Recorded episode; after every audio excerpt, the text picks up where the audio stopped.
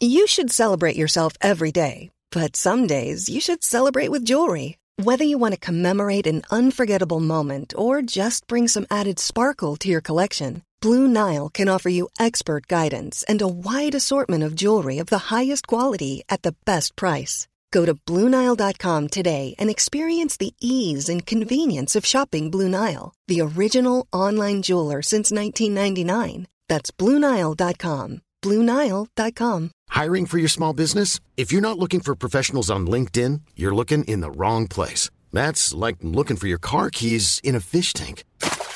LinkedIn helps you hire professionals you can't find anywhere else, even those who aren't actively searching for a new job but might be open to the perfect role. In a given month, over 70% of LinkedIn users don't even visit other leading job sites. So start looking in the right place. With LinkedIn, you can hire professionals like a professional. Post your free job on linkedin.com slash people today. Hey, it's Ryan Reynolds, and I'm here with Keith, co-star of my upcoming film, If, only in theaters May 17th. Do you want to tell people the big news? All right, I'll do it. Sign up now and you'll get unlimited for $15 a month in six months of Paramount Plus Essential Plan on us. Mintmobile.com slash switch. Upfront payment of $45 equivalent to $15 per month. Unlimited over 40 gigabytes per month. Face lower speeds. Videos at 480p. Active Mint customers by 531.24 get six months of Paramount Plus Essential Plan. Auto renews after six months. Offer ends May 31st, 2024. Separate Paramount Plus registration required. Terms and conditions apply if rated PG. Få fram ditt budskap och gör din röst hörd. När jag var liten, då var jag dö nervös när jag skulle prata inför folk och till exempel presentera något inför klassen. Alltså, jag slet med det här och jag hade svårt att sova natten innan.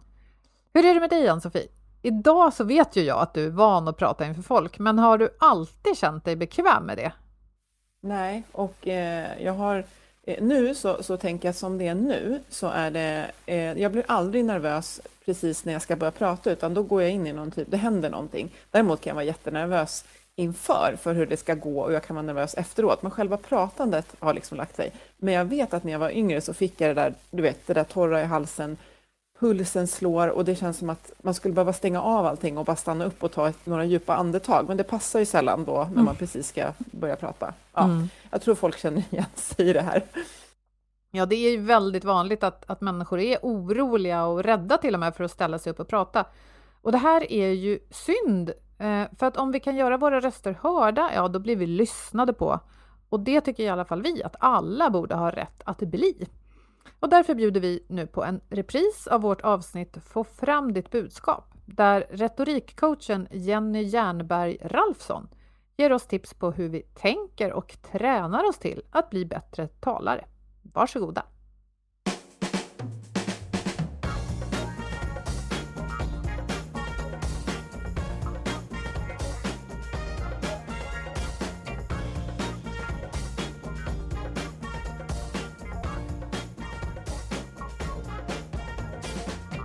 Det här är Health for Wealth. I sex år nu ungefär har vi poddat om hälsa på jobbet. Eftersom människor som mår bra, de kan prestera bra. Mm. Och hälsa och välmående på jobbet, ja men det hänger på många saker. Till exempel goda samarbeten och ett meningsfullt syfte. Och vi behöver ha rätt resurser för att kunna göra vårt jobb och prestera och må bra. Vi behöver också utrymme att kunna agera självständigt.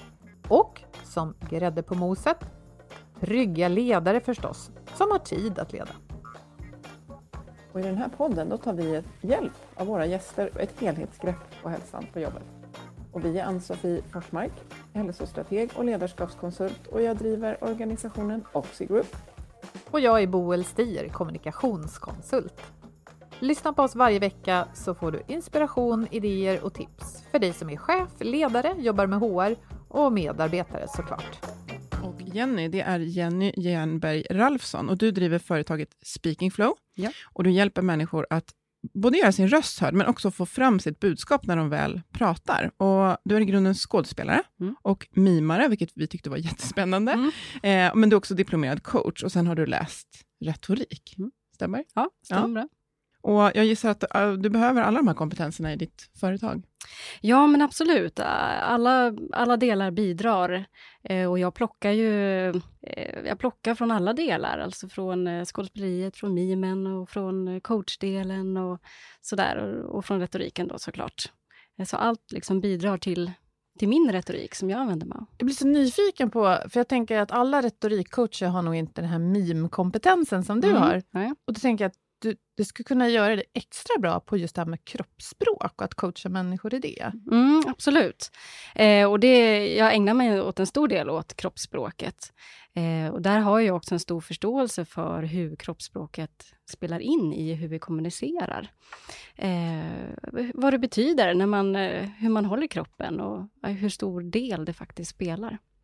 Vad skulle du säga är det allra vanligaste som du hjälper människor med? Eh, dels skulle jag säga att det är kroppsspråket. Eh, att jag kan se direkt när någon kommer in att ah, du behöver jobba på det där och eh, sträcka på dig, öppna upp eller vad det handlar om. Få mer tyngd i kroppen också faktiskt på ett sätt. Eh, men också förberedelser, att förstå att det krävs att man förbereds inför en presentation eller tal eller, eller möte också. Så det räcker inte med magisk inspiration ovanifrån? Nej, det gör ju tyvärr inte det. Eh, och det finns såklart de som, som fixar det, men eh, eh, det blir så mycket bättre om vi förbereder oss. Ja, En reflektion där, att vi kommer gå tillbaka och sen fördjupa oss, Mm. men just med kroppsspråk så tänker jag att vi speglar ju gärna varandra. Mm. Så jag tänker man behöver ju vara ganska stark i sitt kroppsspråk som talare. Om man får en grupp som då sitter med korslagda armar och Mm. har en distanserar sig från en Mm. till exempel, så, Mm. så tänker jag att där, det är också en grej man behöver vara medveten om om man Mm. vill komma med ett annat kroppsspråk. Mm. Tänker, hur tänker du runt det? Nej men absolut. Eh, och där, där tänker jag att om man som talare då har ett öppet kroppsspråk och eh, är stark i sitt kroppsspråk, eller vad man ska säga, eh, så kan man också på så sätt få med de som är i publiken. Så man själv inte hamnar i det, att man gör sig mindre och eh, så vidare, för då, då tappar man det. Så det du säger är att om jag går in inför en grupp eh, och har, eh, vi får ju beskriva nästan vad, vad vi gör här i studion Mm. eftersom de som lyssnar inte kan se. Om, om man Mm. går in med lite hopsjunkna axlar och inåtvänt bröst eller vad det Mm. kallas för, Mm. då kanske jag inte får upp dem som, som är lite sega och inte så engagerade, men kan det räcka med att jag Mm. liksom ser ut som att jag tror på mig själv och ser så här stark och stolt ut och så blir folk superintresserade, eller? Ja men absolut, Nej, men jag skulle säga det att eh, om du själv går in med ett, eh, ett, ett, ett öppet kroppsspråk eh, eh, så kommer du påverka dem som lyssnar. Eh, alltså vi spe, som du säger, vi speglar oss i varandra, så kommer du också in med hopsjunkna axlar och dåligt kroppsspråk, eh, så kommer ju de i publiken också känna att inte dras med av någon energi, utan också antagligen falla ihop ännu mer. Och så pratar man ju om det här att när man ska stärka sig själv inför att gå in och prata, så ska man göra den här powerposen och nu Mm. sträcker jag på mig och sträcker upp armarna och, och liksom stärker, Mm. stärker mig själv. Mm. Eh, funkar den? Eh, Jag tycker att den funkar. Eh, Jag har faktiskt gjort den eh, innan jag tog körkort. Jag gjorde den väldigt många gånger och jag klarade det på första försöket. Eh, Och jag vet andra som har gjort den också. Eh, Så dels handlar det om att man får den här känslan av att man tar mer plats med kroppen och man öppnar upp sig. Så bara det vinner man ju på att liksom landa i den kroppen av att ta plats. Mm. Eh, Ja. Jag tycker det där är så spännande, för man pratar ju just ofta om att öppna upp bröstet. Mm. Och Man brukar peka någonstans, vad ska man säga, nedanför nyckelbenen och Mm. säga att det här är en punkt som gärna får sträva uppåt. Mm. Då, då liksom andas det positiv energi. Mm. Men att allting som eh, liknar sådana positioner är också väldigt blottande. Mm. Allting som blottar strupen är ju egentligen, alltså det är det sista man vill göra om man känner sig rädd. Då vill Mm. man ju snarare gå i fosterställning. Mm. Så hur, Mm. hur ska man tänka då om man vet att man ska ha en power pose men känner sig jätterädd? Hur ska man våga? Mm. Alltså där tänker jag att man kan jobba både utifrån och in och inifrån och ut. Alltså om du antar eh, det här öppna kroppsspråket eller den här powerposen så påverkar det även tankarna i viss mån. Men du kan också jobba med tankarna, att liksom mata dig med positiv energi och, och så. Så påverkar det även kroppsspråket. Så man kan jobba på, på två sätt där. Det är som en, en cykel så där, där man kan hoppa på Ja. lite var man vill och så händer det positiva effekter. Ja, ja precis. Och man kan börja i det lilla, man behöver inte göra jättestora poser till att börja med, utan man kan börja med, ja men jag sträcker lite på mig. Hur känns det? Ja men det känns ganska bra. Ja men jag testar att eh, ta ut händerna eller vad det nu handlar om. Så man kan börja i det lilla. Mm. Vad skulle du säga annars är så klassiska det är så tråkigt att säga misstag, men sånt som vi alla kanske missar när vi ska prata inför folk, som man lätt skulle kunna förändra för att få ett bättre effekt. Mm. Och bli lyssnad på, det är ju det. Just det. Eh, ja, men dels det med förberedelserna. Eh, jag, jag förespråkar alltid att man ska skriva ett manus innan man ska prata. Eh, så man vet vad man ska säga. Sen behöver man inte säga ordagrant vad som står i manuset, men man har en tanke om vad man, vad man ska säga och kommer man av sig så har man någonting att gå tillbaks till. Eh, och att man övar och tränar så mycket man kan innan en bra presentation. Eller ett möte faktiskt. Man kan öva på ja, men vad vill jag få fram idag? Och att man har tänkt igenom det och kanske övat hemma till och med också. Ja, för där tänker jag att vi sitter ju betydligt ofta fler möten än vad vi står inför folk och pratar. Och Mm. många pratar om det här ineffektiviteten i möten, så tänk om vi hade lite mer tänk runt möten, att vi faktiskt förbereder, tänker ett budskap vi vill Mm. få fram och runt det, så tror jag vi skulle Mm. få, eh, det är en viktig dimension av att ha Mm. ett bra möte, att vi Mm. faktiskt ser det lite som en faktiskt tillsammans presentation på Mm. något sätt. Så. Mm. Ja. Absolut, det tror jag skulle underlätta mycket. Eh, om alla skulle vara förberedda inför. Mm. Vad vill varje person ta upp? Mm. Det blir Verkligen. väldigt smidigt. Men jag tänker, vad är, det, vad är det man kommer till dig och vill ha hjälp med? Vad är det vanligaste, om man säger rädslan eller utmaningen som, som, som du möter, som man upplever själv? Mm. Eh, där skulle jag säga att det är egentligen två saker. Eh, dels det här eh, just att om man ska hålla presentationer eller så, kanske inte så van vid det, eh, så kommer många till mig och vill ha hjälp. Och, och många, det kanske är just därför de kommer till mig, men eh, tycker att det är väldigt obehagligt och känner en väldigt stor stress inför det. Och, Mm eh, ja, men jag vet inte hur jag ska göra och, och ska jag stå där och så. Eh, Så mycket i mitt arbete handlar ju om att eh, dels förbereda personen för att stå där, eh, men också att liksom pusha personen lite utanför sin comfort zone och, och ge feedback och liksom stötta personen också. Mycket i det. Så man får känna den här belöningen när man lyckas. Ja, men precis. Och så kommer man tillbaks till mig och berättar, ja men hur gick det? Ja men det där var bra, det behåller vi. Ja men det där, ja men det slipar vi på till nästa gång. Och, eh, sådana saker.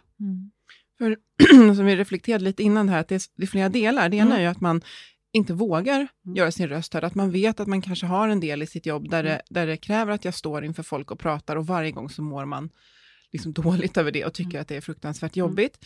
Och sen kan det vara att man känner att man sitter i möten och annat där man, man har idéer och tankar och vill säga någonting och det kan vara att man inte får fram sitt budskap Mm. eh, eller vågar räcka upp handen. Och sen är det det här att när man väl pratar att man känner att Åh, jag hade så bra tankar, men när jag skulle prata så bara blev det kaos av allting och jag Mm. fick inte fram det jag ville säga. Så det är så flera dimensioner. Men ehm, som du beskriver så är det vanligaste att man, man, behöver, man behöver hjälp med sin rädsla för att faktiskt våga prata, för det är något man behöver göra.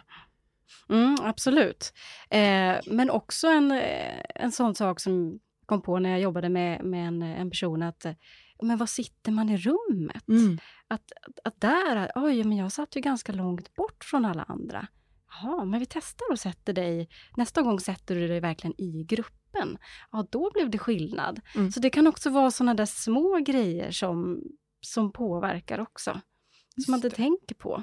Mm. Eh, Men också kroppsspråket även i mötessituationer. Att, ja, men sträck på det även i mötet. Liksom. Du vågar också ta den här platsen lite mer. Tänker på det här också att man kan vara framåtlutad och bakåtlutad. Hur ska man jobba med det där? Och, Mm. alltså, kan, man, kan man vara för på om man lutar sig framåt hela mötet? Hur ska man tänka? Ja, där brukar jag lära ut något som heter rappå. Då.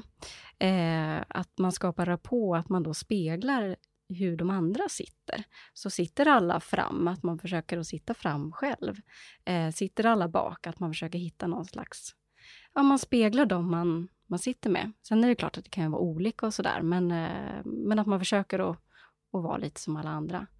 Och jag Mm. tänker om man till exempel har ett kundmöte, jag kan tänka mig att det är många som har den typen av möten. Mm. Det kan ju vara det kan förstås vara ett första möte, då är det säkert jätteviktigt. Man Mm. kanske till och med ska sälja in något, man har inte en relation. Mm. Eh, ju längre relationen har pågått, desto tryggare blir man förstås. Men om man då ska tänka på inte bara att man själv ska göra sig hörd, utan att andra också ska trivas. Finns det någon grundregel om det här du sa, att sitta på ett visst sätt? Ska man blanda sig med kunden eller ska man sätta sig liksom längst vid ett hörn, alltså vid en kortända av bordet för att visa att nu ska jag ta kommandot, eller hur kan man tänka?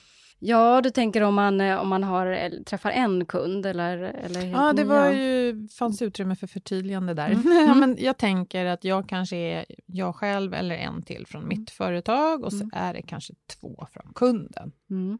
Hur är det bäst att placera sig då? Ja, där skulle jag vilja säga att man, eh, man sitter mitt emot varandra. Det, det brukar vara det som är lättast. Och just också om man ska spegla den man träffar eh, och skapa den här rapån, så är det lättare. Just det. Eh, Och få ögonkontakt Ja, kanske. Mm. precis.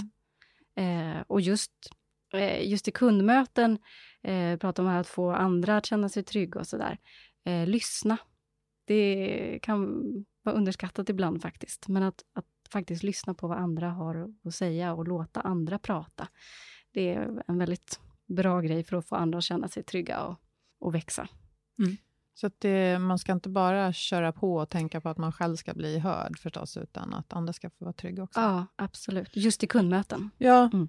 men jag tänker den här, eh, den här rädslan, och jag kan Mm. reflektera själv, att jag, för någon sa så här, men tycker du inte det är nervöst att föreläsa? Nej, men förut, då kunde pulsen rusa och, och den här handsvetten och det här, när jag skulle precis börja prata, när jag var ny på att prata. Nu, jag skulle säga att jag är ungefär lika nervös, men nervositeten har mer flyttats till eh, det här som man kallar för imposter syndrome då, innan jag ska prata, några Mm. veckor innan, men gud, har jag någonting att säga, ska någon lyssna på mig? Och sen efteråt, hur sjutton gick det där? Men jag har hittat ett lugn i att när jag när jag får på mig en mikrofon så har jag hittat ett sätt att skapa ett lugn och jag tror att fler som pratar mycket har, har lärt sig hitta det här också. Men Mm.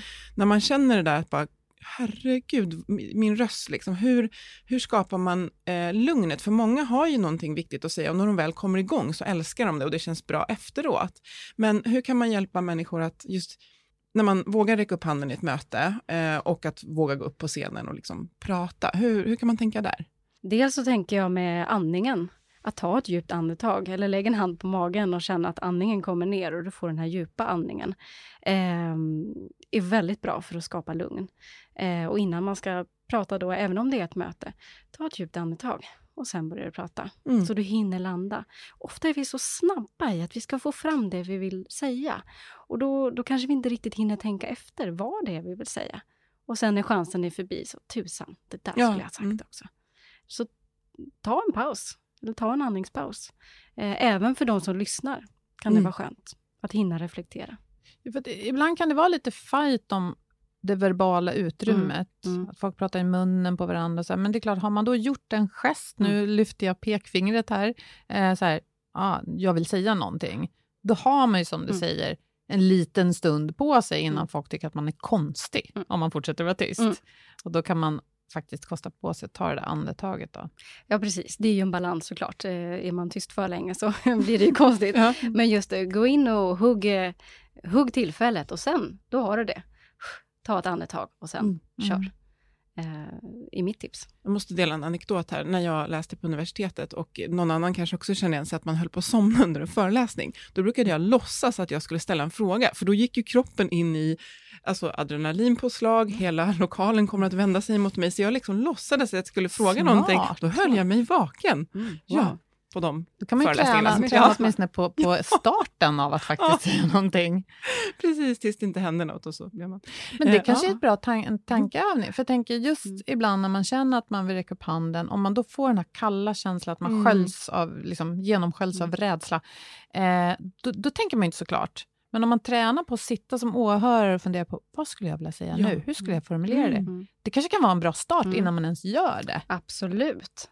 Och börja förbereda sig på hur skulle det vara om jag gick in och sa Mm. något. Mm. Eh, och där brukar jag också säga till mina klienter att ja, men, återigen, börja i det lilla. Eh, första gången kanske du inte säger någonting alls, utan som du sa, bara föreställer sig. Hur skulle det vara? Sen kanske du på nästa möte gör en litet inpass och säger något litet. Och, så man börjar att bygga upp tryggheten. Är det inte så också att vi är ju ofta väldigt mycket hårdare mot oss själva och så reflekterar vi över när någon annan har pratat och kanske pausat och harklat sig och man har sett att de är nervösa så är man ju inte så här, "Ah, men gud vad han eller hon inte kan, utan man, man känner ju med, liksom medkänsla och man vill liksom stötta den personens Mm. eh, framträdande på något sätt Mm. genom att liksom luta sig framåt och visa. De flesta har ju den goda viljan ändå, Mm. men man är ofta väldigt, eh, man ställer höga krav på sig själv i att det Mm. ska vara perfekt det jag säger. Mm, mm. Ja, precis. Så att man kan börja liksom förbereda sig lite grann utan att faktiskt aktivt Mm. räcka upp handen. Och sen Mm. om vi kommer in på då när man väl, när man väl ska prata, Mm. eh, hur ska man tänka då? När man har ett budskap. Det här kan ju vara allt från att ta upp något på ett möte till en föreläsning, men några grundpelare. Liksom. Mm. Eh, om jag tänker då, eh, när jag har föreläsning då, så handlar det återigen om att förbereda sig. Tänka igenom vad är kärnan i det jag vill säga? Vad är det viktiga här? Eh, vad är det viktiga som jag vill att eh, människor ska gå härifrån med? Eh, så att det blir tydligt i det man, eh, det man pratar om. Eh, också som jag pratar om ord och språk, att man funderar igenom vilka är det jag ska prata inför? Förstår alla vad jag säger? Alltså vad använder jag för ord? Eller är det någonting jag behöver förtydliga? Och sådär, så att man, eh, ja, man gör det förståeligt. Undvika en massa konstiga förkortningar. Ja, Ibland kan det vara att man döljer sin osäkerhet bakom ett väldigt avancerat språk. ja. Men då skapar det också en distans till de Mm. som, som lyssnar. Om inte de som lyssnar är väldigt insatta, ja men då kan du använda det språket. Eh, men är de inte det, då, då skapar det en di- distans. Jag vet att jag har tänkt ibland på några av de första artiklarna jag skrev när jag var journalist, ganska länge sedan. Då. Eh, en av landets större tidningar och jag fick möjlighet att skriva någonting. Och jag vet i efterhand att jag ville ju så gärna visa vad jag gick för och jag strösslade med så begrepp som var lite akademiska och kände så här, oh. Men i efterhand så var ja men fast det där var ju bara ett sätt att, att liksom distansera mig från läsaren. Mm. Så nu har jag lärt mig då att kan jag uttrycka något så att en ja, 11-åring förstår det, Mm. då är det klart och tydligt och då är jag också mer övertygande faktiskt. Mm. Ja men absolut, för det blir förståeligt och det blir enkelt att ta till sig. Men det kan krävas både mod och erfarenhet att förstå det där, att det är det enkla Mm. som blir det riktigt starka. Mm, absolut. Och där är det också, ge sig ut och testa och se vad som funkar. Mm. Ja, men jag, jag gick ut och gjorde det enkla idag och det funkade jättebra. Ja, men kör på det då. Eh, så det handlar också det här om att, ja, men, att testa och se vad funkar och vad får jag för respons och Mm. sådär verkligen. Ja, men man jag tänker lite grann på den här sagan H.C. Andersen om kejsarens nya kläder. Det är ett barn i Mm. publiken medan kejsaren tågar fram genom ja, en folkmassa på, på gatan eh, som vågar säga men titta kejsaren är ju naken. Mm.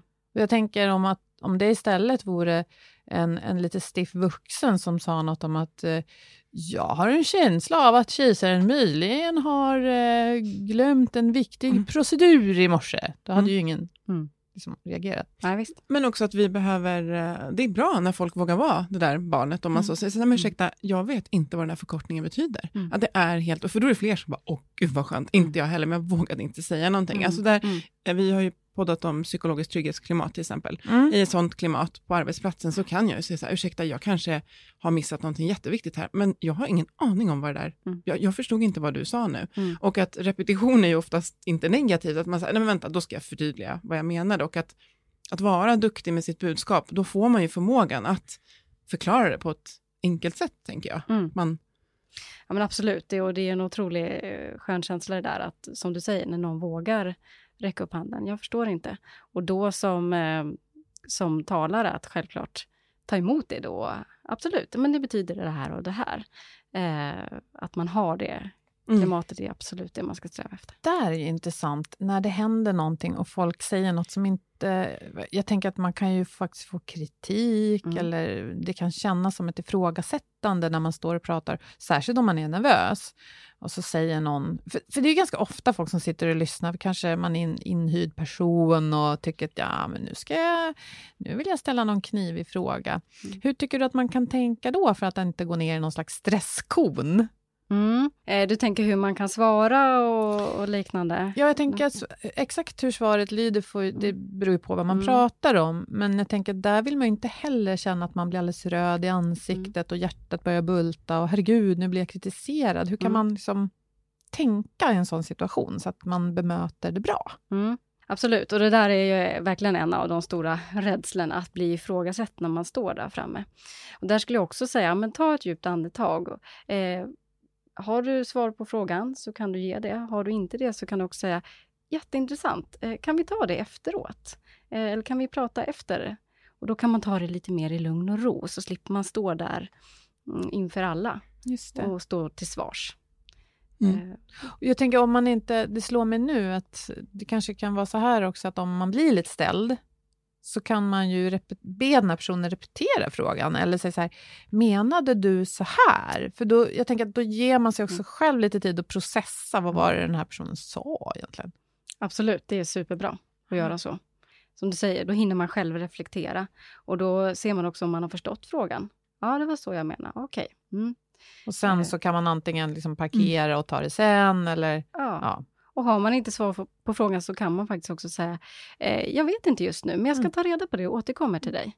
Men tack för frågan, Mm. väldigt intressant. Mm. Jag tänker också att om man, om man vet att man kommer med något påstående som kanske provocerar, så kan man också, apropå det här du sa med förbereda sig, kan man fundera, kommer någon möjligtvis sätta sig emot det här budskapet och vad skulle det kunna potentiellt komma för motfrågor? För att det kan ju berika dialogen att någon faktiskt inte bara man har en grupp som bara sitter och lyssnar, utan någon faktiskt bara, jag håller inte med, gud vad intressant, för att det berikar, men att det kan man ju också förbereda sig på att någon kommer tycka att det här är BS. Jag som har föreläst en del om kost försöker ju alltid liksom, ja, veta att här kommer det komma mothugg. Liksom. Och då är det egentligen inte mothugg mot mig, utan det är ju sakfrågan som någon, ja men så där tycker inte jag. Nej, spännande. Så. Ja. Absolut, Nej, men att tänka igenom innan, som du säger, vad, vad kan komma för frågor eller Mm. vad kan komma för åsikter och sådär. Och vara lite förberedd på Mm. det, det är ju helt rätt. Och också som jag lär ut att om man är väldigt rädd då och ska tala, eh, så kan man faktiskt också tänka igenom, ja men vad är det som kan hända? Mm. Okej, ja men jag kommer av mig, låt säga. Ja, hur löser jag det då? Och då har man redan tänkt ut det innan och då lugnar man den här orostankarna. Eh, tankarna. Ah, man har en nödprocedur som man Mm. säger inom fallskärmshoppningen bland annat. ja, det här kommer in på, Det vi trygghet. poddade om lärande och pratade Mm. om adaptivt lärande, då kan man fundera på fem, fem grejer som potentiellt skulle kunna hända Mm. eh, om jag räcker upp handen på mötet och pratar, eller under den här föreläsningen jag ska hålla, eller under den här presentationen. Som Du jag kommer kan... inte vara dö, Nej, du kommer inte vara bli avrättad. Nej, men det kan vara så att någon kommer säga emot, jag kommer komma av mig, eller som jag har vant mig vid nu, tekniken kommer inte funka och jag kommer behöva rita på ett blädderblock. Den och är jag typ är värdelös på att rita. Den är värdelös. Ja, eller den är garanterad och jag är värdelös på att rita. Eh, Jag känner igen men, mig det där. ja, men precis, men då är man förberedd, för man ramlar inte ner lika Nej. djupt. Man bara, Mm. oj, det blev inte riktigt som jag hade tänkt, men Åh, vi men här måste jag få spela in till dig Jenny, för Mm. att jag, jag, jag, känner mig ofta trygg när jag talar numera. Mm. Jag var livrädd när jag var yngre, Mm. så det är ju en häftig resa. Jag tror väldigt många gör den. Mm. Men jag känner mig inte trygg när ja, men det är jag som har ordet. Det är jag som ska prata. Folk strömmar in och man säger välkommen. Och sen är det just det att tekniken funkar Mm. inte. Jag brukar i och för sig ofta tänka att jag ska kunna prata om det här utan en powerpoint. Mm. Man kan skriva ut en sån till exempel visst. som man har. Men, men jag tänker, ofta är det de här minuterna när man joxar och gixar och Mm. frågar om det finns någon tekniker eller själv står och rycker i sladdar. Har du några bra tips på hur det inte blir så här, liksom lite generat tyst bara? Ja, men absolut, Nej, men det, där är ju, det där är ju en klassiker. Eh, att det strular också precis när man ska börja. Även om man har varit där innan och tittat. Ja, Ja, funkar det perfekt. Och så ska man köra Ja. och då Mm. funkar det inte. Det är ju verkligen en klassiker. Eh, det som man kan trösta sig med är att de flesta känner igen sig. Att all, många har vi varit där. Eh, och var ärlig med, nu krånglar det lite, men vi löste det här. Ni kan sitta och småprata lite grann så säger jag till när ni är redo. Det Mm. skulle kunna vara ett sätt. Ja, för jag tänker att om man ska... Man skulle ju kunna så ge dem där en uppgift, så här, ja, men kan inte ni prata igenom två och två vad ni har förväntningar inför Mm, idag? Men mm. för man kan ju inte riktigt ha ett samtal medan man är fullt upptagen Mm. med att stirra in i en massa portar i en dator. Liksom. Mm. Eller hur? Det nej, nej men liksom- absolut. Nej men visst. Nej men då skulle jag säga att, eh, eh, s- säga att eh, det krånglar lite här, jag ska lösa det. Om du har en uppgift att ge, absolut ge den, superbra. Och sen plockar du upp tråden när du är redo. Mm. Eh, Så det inte blir det här mellantinget. Nej, Mm. man får nästan, man får nästan vara beredd på att den kommer och Mm. liksom ha den här planen. Ja. kommer tillbaka till det här med, med förberedelser. Vi frågade innan vad det var vanligast man ville ha hjälp med. Men vad är, också, det- vad är det eh, största misstaget som du ser när, när folk väl eh, pratar? Vad, vad, vad är det liksom vi, vi verkligen ska tänka på? Ja, men dels, dels är det här med kroppen, alltså hur man, hur man håller kroppen. Jag har ju sett allt från föreläsare som står i kors med benen och vajar lite grann, till eh, dålig hållning, eh, till att man håller händerna i replikerna? Ja, men sådana där grejer. Eh, nu är väl jag kanske lite arbetsskadad, men mig påverkar ju det väldigt mycket. Så att man verkligen tänker på hur man står, det är en sån där eh, viktig, Mm. viktig sak. Eh, som sagt, förberedelsen har jag pratat om många gånger. Eh, man vet vad man ska säga. Har man ett manus med sig, att man inte står och läser utan till utan man alltid kan början och slutet utan till så man får ögonkontakt med publiken. Eh, otroligt viktigt. Och att man tar in alla i rummet, så man inte bara riktar sig till dem på första bänken. Eller Mm. så. Och då om man har ett sånt manus, det är ju inget fel att man har det som Nej, nej. stöd och så Nej. är då och då tittar man ner på det, Mm. och så, eller hur? Mm, ja, absolut. Och där då har man manus, eh, man har extra stor text, så det är lätt att se. Att man har, eh, ja, att man har delat in det i stycken med en rubrik till varje stycke. Då blir det också lätt att se. Eh, att man använder en eh, sån färgpenna och markerar viktiga ord. Då blir det också mycket lättare att se. Så man ska stå där och le, liksom läsa igenom långa meningar för att komma tillbaka i matchen. Ja, Mm. precis. Och också att eh, när man får tillfället att stå där framme, att man tar det tillfället. Mm. Att man väl har valt att gå upp där, att man liksom Mm. tar den platsen.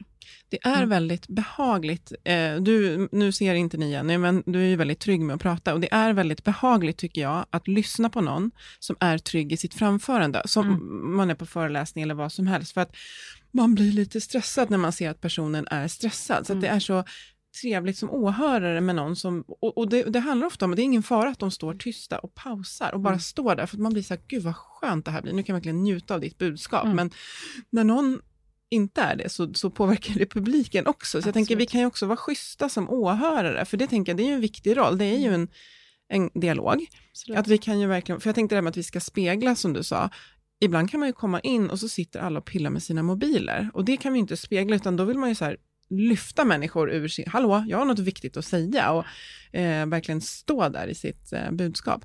Men jag tänkte fråga, eh, är det någon skillnad mellan män och kvinnor i vad vi upplever som utmaningar och rädslor och så? Jag skulle säga att det, det är ganska lika faktiskt. Eh, det jag mött i alla fall. Eh, däremot kanske att kvinnor jobbar lite mer med det här att ta plats just i mötessituationer och eh, att man vill ja, men hitta den här eh, vad ska man säga, tyngden eller vad man ska säga, att, eller självklarheten. Mm. Det är väl det jag lite mer har mött. Mm. Eh, men just om man tänker rädslan att stå inför publik, den skulle jag säga är ganska lika. Mm. Faktiskt. Jag blir glad för det Ja, svaret. det blev jag också glad för. jag tänker ibland att, att ja, nej men det, det finns ju massor med orättvisor och obalanser, men ibland tycker jag också att det är skönt att inte söka skillnaderna där Nej. de kanske inte finns. Mm. Och jag tänker, vi är ju introverta, extroverta, det är något man pratar om mycket Mm. idag också. Mm. Så alla kanske inte vill ta plats. Mm. Men Absolut. jag tänker så här att det vi vill att du som lyssnar ska ta med dig här, det är ju att om du har något viktigt att säga, våga kliv fram och gör det. Och ibland kan det faktiskt vara viktigare att du gör det än hur du gör det. Mm. Absolut. Det kan vara en fråga som, liksom, ja, du är den enda som har modet att belysa den. Ja, men säg det på ett dåligt sätt hellre än inte säga det alls, tycker jag. Mm. Absolut. Och det, det ger ju styrka till en själv att man har vågat säga det där och då växer man och sen nästa gång då kanske man gör det lite Mm. bättre. Ja, men precis. Vi behöver träna på det. det. Det beskriver du väldigt bra. Att vi behöver Ja. förbereda oss och vi behöver öva på det. För gör vi det inte så är det svårt att förvänta oss av oss själva att vi ska vara bra på det. Ja, Mm. absolut. Har du några avslutande tips som du vill? Nej, men det är just det där, ta, ta ett djupt andetag, förbered dig, tänk igenom, hur ska jag stå, vad ska jag ha för kläder? Eh, och tänk igenom hela ditt framförande. Är du nervös? Tänk igenom från att du kommer in genom dörren till att du går upp på scenen, håller ditt framförande, tar emot applåderna och går av scenen. Då vet du, då kommer du känna igen dig när du är där. Det är som att träna för ett, eh, ja, bestiga ett berg. Om Ja. man Mm. visualiserar sig själv på Ja. toppen så är halva, inte halva jobbet gjort, men en stor Nej. del kanske. Ja, absolut. Det mentala. Ja, men tack så hemskt mycket för att du kom hit. Vad roligt det var att Ja. prata om det här. Tack Och själv. jag vet att det finns bra YouTube-klipp med dig eh, Mm. på din hemsida där du faktiskt ger några av de här, de här tipsen. Så Mm. får man se hur du presenterar det också. Så det kan vi tipsa om om man vill. Ja, sök på Jenny Jernberg Ralfsson på Youtube så Ja. får du lite fler tips. Mm. Speaking flow. Det är riktigt smart det här som Jenny säger i intervjun, att man kan börja i, i liten skala. Det tror jag kan vara en tröst för många. Man måste inte börja hålla rena föredrag, men man kan träna på att säga vad man tänker och, och tycker lite oftare. Mm. Jag håller med. Det här med att skala ner är verkligen ett supertips. Och det gäller både när man talar inför folk och när man ska kommunicera i skrift, tänker jag som jobbar med det. Ja, men tänker man igenom vad det allra, allra viktigaste är som man vill att folk ska ta med sig av det man skriver eller det man säger, då är faktiskt den största delen av jobbet redan gjort. Mm. Och vi kan passa på att berätta att Jenny Jernberg Ralfsson, henne kan ni hitta inte bara på hennes hemsida Speaking Flow, men också som återkommande skribent i tidningarna Dagens Juridik och Mitt i. Mm. Och hon är dessutom regelbundet med i P4 Göteborg och snackar retorik där. på göteborgska. Mm. Ja, och vår samarbetspartner Motivation.se de har flera artiklar med tips för hur du blir en bättre presentatör. Och den här veckan har vi valt en som heter Håll en bra presentation på hjärnans villkor. Och där sammanfattar skribenten Johan Rapp några riktigt bra tips om hur du gör innehållet i din presentation levande och intressant att lyssna på. Vi länkar till den artikeln från den här sidan där du lyssnar på podd. Mm. Och med det tackar vi våra samarbetspartners Motivation.se och Agda Media för den här produktionen. Följ oss gärna på LinkedIn och kommentera på våra inlägg där och säg hej, så hörs vi om en vecka igen. Ha det gott!